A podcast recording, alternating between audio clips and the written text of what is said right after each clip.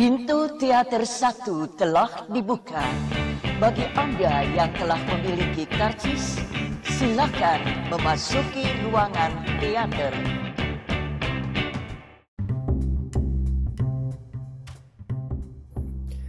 Halo semuanya, balik lagi sama gue Mustafa di podcast Habis nonton film It's Been a While uh, Setelah gue uh, review terakhir kali uh, Cukup lama ya uh, Gue tuh habis kena gejala tipes teman-teman. Jadi membutuhkan waktu yang sangat banyak untuk istirahat uh, Dan waktu untuk nontonnya jadi uh, berkurang sih. Di, tengah-tengah itu gue suka nonton film uh, suka nonton series dan uh, dokumenter.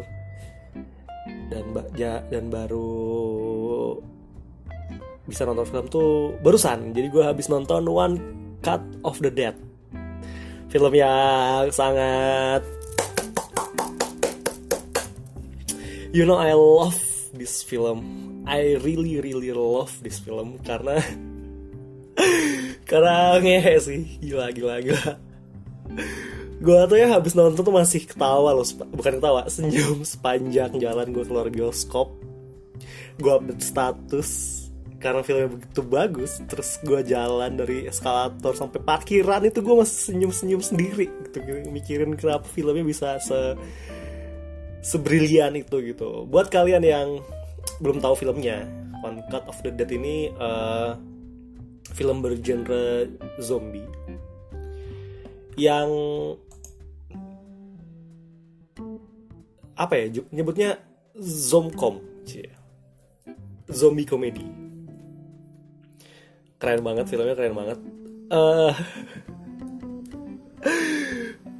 film film film gue sih ketawa ketawa kalau gue ya gitu I'm trying to not spoil everything because uh, gue gue cukup ngasih tahu kalian harus nonton film ini di bioskop 100% lo harus nonton film ini bioskop karena filmnya sangat-sangat seru. Ajak teman-teman teman kalian sebanyak mungkin gitu untuk bioskop uh, untuk nonton bareng-bareng.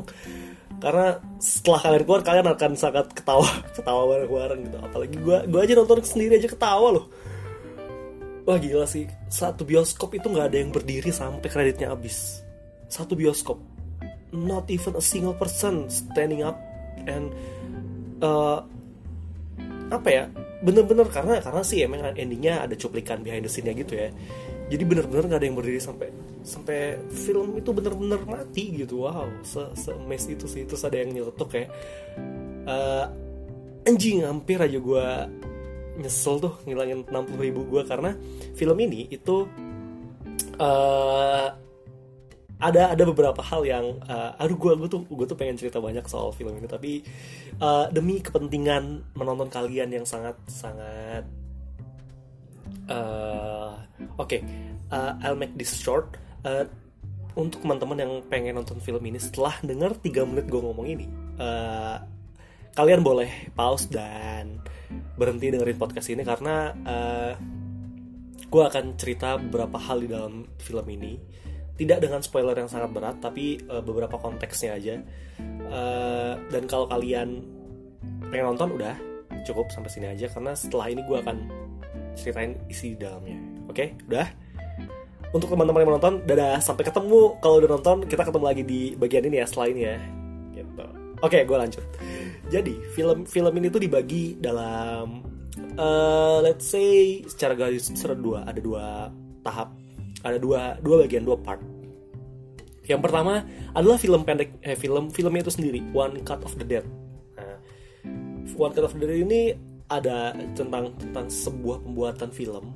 Di dalam sebuah pembuatan film uh, yang berdurasi sekitar 30 menit. Jadi ceritanya ada satu saudara yang ngerekam proses pembuatan film film zombie uh, yang ternyata di uh, yang berus yang bukan. Ada so, seorang director uh, namanya Hirogasi kalau nggak salah ya. Ya kita bilang aja uh, si sutradara ini gitu. Si sutradara ini tuh uh, dan teman-temannya pengen bikin film zombie di sebuah lokasi yang cukup asing untuk mereka dan filmnya uh, baru mulai gitu terus di cut nah sebenarnya filmnya itu sendiri tentang satu satu kali take panjang gitu loh jadi nggak habis selama 37 menit. Terus uh, ternyata uh, di luar ekspektasi mereka di luar dugaan mereka tempat itu tuh ada saat adalah tempat uh, tempat percobaan uh, pemerintah di sana untuk menghidupkan orang yang udah mati gitu. Nah, dari sutradara ini untuk menghidupkan suasana kenyat uh, suasana yang sangat real karena sutradaranya itu pengen banget sesuatu yang real. Jadi dia menghidupkan zombie itu dengan sebuah ritual gitu. Uh, singkat cerita, Uh, semua orang di kru sana kan mati tuh kan kalau udah nonton ya ceritanya ya anggaplah uh, gue gue menganggap kalian udah nonton ya filmnya uh, singkat cerita uh, everyone in there uh, are dead dan tinggal si karakter utamanya. That's it. Selesai filmnya selesai. Kredit muncul. Terus gue mikir nih pas nonton. Kok filmnya gini aja ya? Gue sampai cek jam gitu loh. Kok filmnya udahan ya oh ternyata filmnya belum selesai. Untung tidak ada yang keluar ruangan gitu karena menurut teman kata teman gue yang udah nonton ada beberapa ketika dia nonton itu orangnya keluar. Ya karena emang kayak film abis gitu tapi karena habit Indonesia ketika roll title itu rolling title itu muncul biasanya lampu udah nyala kan. Nah karena ini gak nyala berarti asumsinya film masih tetap lanjut. Jadi orang-orang gak ada yang berdiri tuh saat gue nonton. Dan alhamdulillahnya ya jadi kasihan aja gitu kalau filmnya baru jalan 30 menit terus keluar gitu filmnya selesai. Film selesai cerita dibalik ke uh, satu bulan sebelum pembuatan film tersebut. Nah this is uh, film film 37 menit tadi itu udah bagus. Udah seru gitu. Menurut gue udah seru sih. Meskipun ya agak ya kok nggak selucu yang dibayangkan orang-orang gitu. Cukup udah cukup seru karena karena karena mereka uh, lucu tanpa di mereka itu tuh film udah lucu tanpa berusaha untuk lucu gitu. Ternyata satu bulan uh, balik uh, setelah film itu selesai barulah dibalik pembuatan film tersebut kan. It's a long uh, apa ya proses dan ternyata proses di balik pembuatannya itu lebih lebih lucu lagi gitu. Lebih lebih lebih gila sih lebih lebih, lebih. Ada aduh uh, ternyata industri. Itu gue gua rasa pembuatan film One Cut, uh, One Cut of the Dead yang digambarkan di situ tuh refleksi atau kritikan si filmmaker terhadap betapa orang-orang betapa industri film di Jepang itu tuh nggak memikirkan budget gitu. Yang penting tuh konsepnya oke okay, gitu. Kita akan bikin uh, kita akan bikin film tentang film zombie uh, live di TV 30 menit tanpa cut. Lu bayangin tuh. Konsep konsep itu tuh diketawain sama si, si calon sutradara ini pada awalnya gitu. Terus kata dia wah wah konsepnya menarik banget ya lucu banget tuh konsepnya. Terus kata yang produsernya gitu yang yang punya konsep TV itu bilang loh ini beneran ini tuh ini beneran harus di harus di harus di harus kayak gini gitu syutingnya ya. Ya menarik. Filmnya aduh kacau sih. Kacau kacau uh, si, si karakter utama itu seorang sutradara yang mediocre gitu. Jadi banyak banget sentilan-sentilan satir tentang pembuatan film yang dibuat dengan tidak dengan cinta gitu. Padahal One Cut of the Dead ini speaking of the film gitu ya ngomongin soal filmnya itu film yang dibuat dengan cinta gue tahu banget nih. Gue gue yakin sutradaranya ini punya taste soal pembuatan film yang yang di atas filmmaker filmmaker yang uh, apa ya ini kan debut feature nama saudaranya itu Yoeda Shinichiro. Gitu. Dia dia tuh pertama kali bikin film ya. Dan you know uh, budgetnya tuh sekitar nih gue baru nemu tadi budgetnya 378 juta. Lu bayangin satu film nih itu 380 378 juta. Gitu 27 ribu dolar uh, kalau dirupiahin itu sekitar 378 juta. I mean wow ini sebuah tonjokan keras kepada PH-PH gede gitu yang punya konsep sejuta atau punya konsep yang uh, banyak tapi kalah dengan sesuatu yang sederhana sesuatu yang yang lebih jujur kayak gini gitu ya. Yang aduh gimana ya? Ngomongin gue tuh berharap banget ya uh, yang menurut gue kenapa film ini dapat layar sedikit di Indonesia mungkin selain uh, selain apa ya orang Indonesia tuh kan agak susah untuk nonton film-film Asia kayak Korea. Korea udah lumayan lah udah mulai banyak tuh yang nonton. Jepang tuh agak susah. India lumayan. Uh, apalagi yang suka masuk Iran kadang-kadang. Uh, pokoknya Asia tuh agak-agak susah tuh. Thailand juga lumayan lumayan ada. Tapi tapi dibandingkan sama Hollywood film film Asia tuh agak susah tuh diterima penonton Indonesia. Dan gue berharap awalnya gue berharap eh bukan awalnya setelah gue nonton film ini gue berharap posternya tuh dibuat lebih menarik pasar Indonesia gitu. Karena gue yakin Spirit War of nya itu gede banget impactnya tuh gede banget ketika setelah orang nonton ini. Gue gue aja merekomendasi aku ah, akan merekomendasikan ke semua orang yang gue kenal ya untuk nonton film ini bioskop. I will karena karena filmnya cerdas banget. Uh, I don't even spot uh, plot hole in this film karena semuanya dijelaskan secara rapi gitu. Satu persatu satu persatu. Mungkin yang yang agak bikin film ini ngerasa kenapa jelek banget ya karena eh, bukan jelek banget. Kenapa dragging banget? Mungkin film One Cut of the Dead yang di dalam film tadi ya yang the, yang film yang fiksi yang di dalam itu tadi. Ya tapi karena itu dibuat dengan konsep gitu. Gue sangat bisa memaafkan dan karena film ini dibuat dengan konsep film kenapa film itu dragging di awal 37 menit itu karena filmnya. Emang sengaja dibentuk kayak gitu it's not that the script is bad karena ya itu tadi. Uh, kalau lo karena suka baca review luar tuh David Ehrlich penulisnya Wire gitu itu bilang film itu film komedi eh film komedi zombie ter bagus setelah dulu ada Son of the Dead uh, eh, gue sih gue sih Son of the Dead itu lucu dengan cara yang berbeda. Kalau ini menurut gue gue lebih suka yang ini karena relate banget. Karena ngomongin soal filmmaker gitu. Gimana kita meyakinkan pemain terus ada satu adegan yang orangnya tuh nangis. Orangnya aja gue ketawa sendiri lagi ya Allah uh, orang itu nangis dikasih tetesan air mata terus pemainnya nanya eh ini gue nangis kenapa? Terus kata orang pemain eh udah ayo udah kita mulai aja kak. Eh ayo ayo ayo oke oke.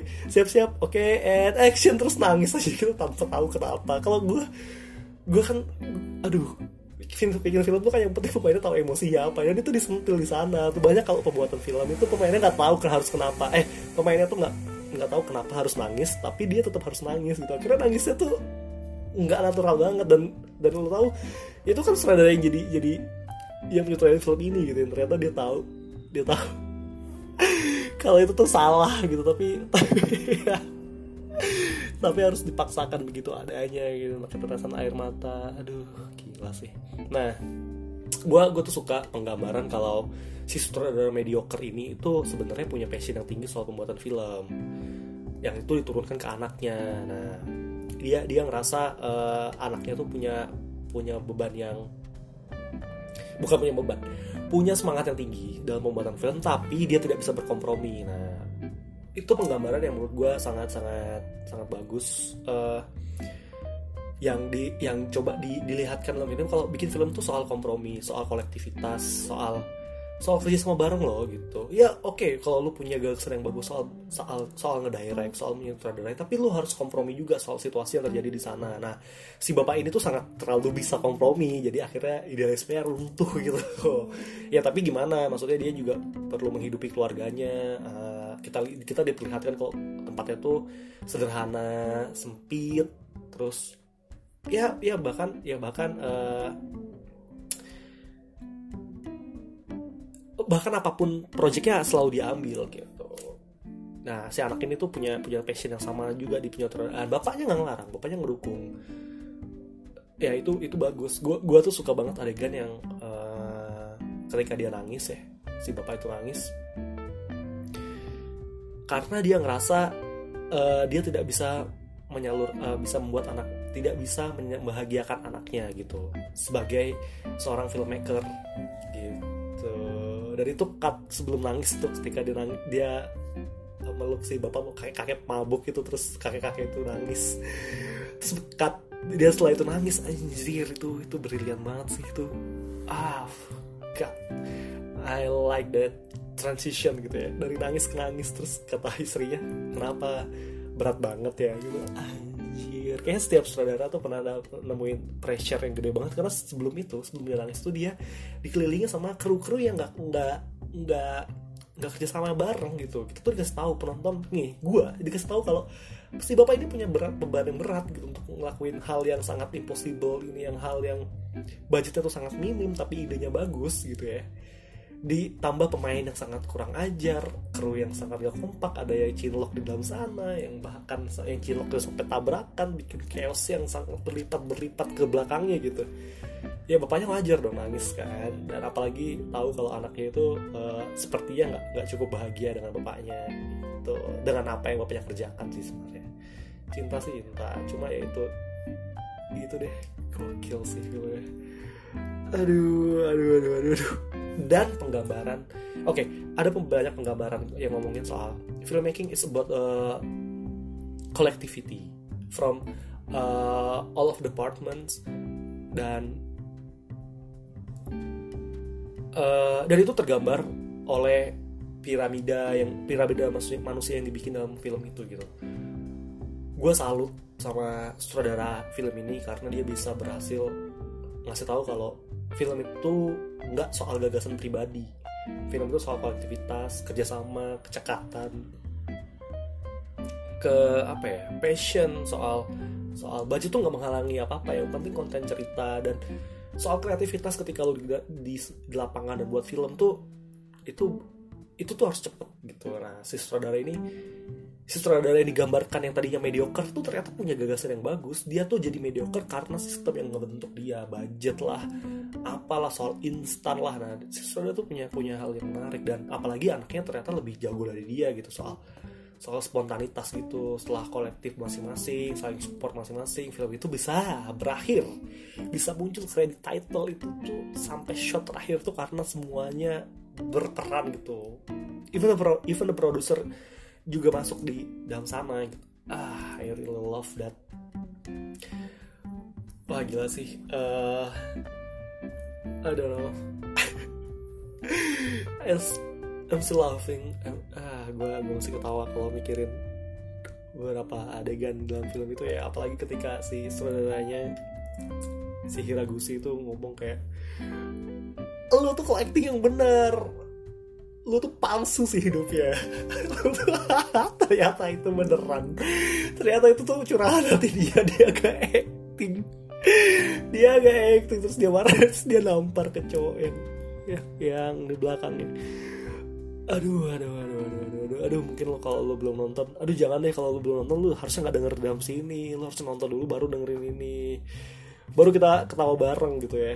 Lo sentilan-sentilan yang yang sangat subtle gitu sangat sangat halus sangat aduh menarik banget ya pokoknya kalau lu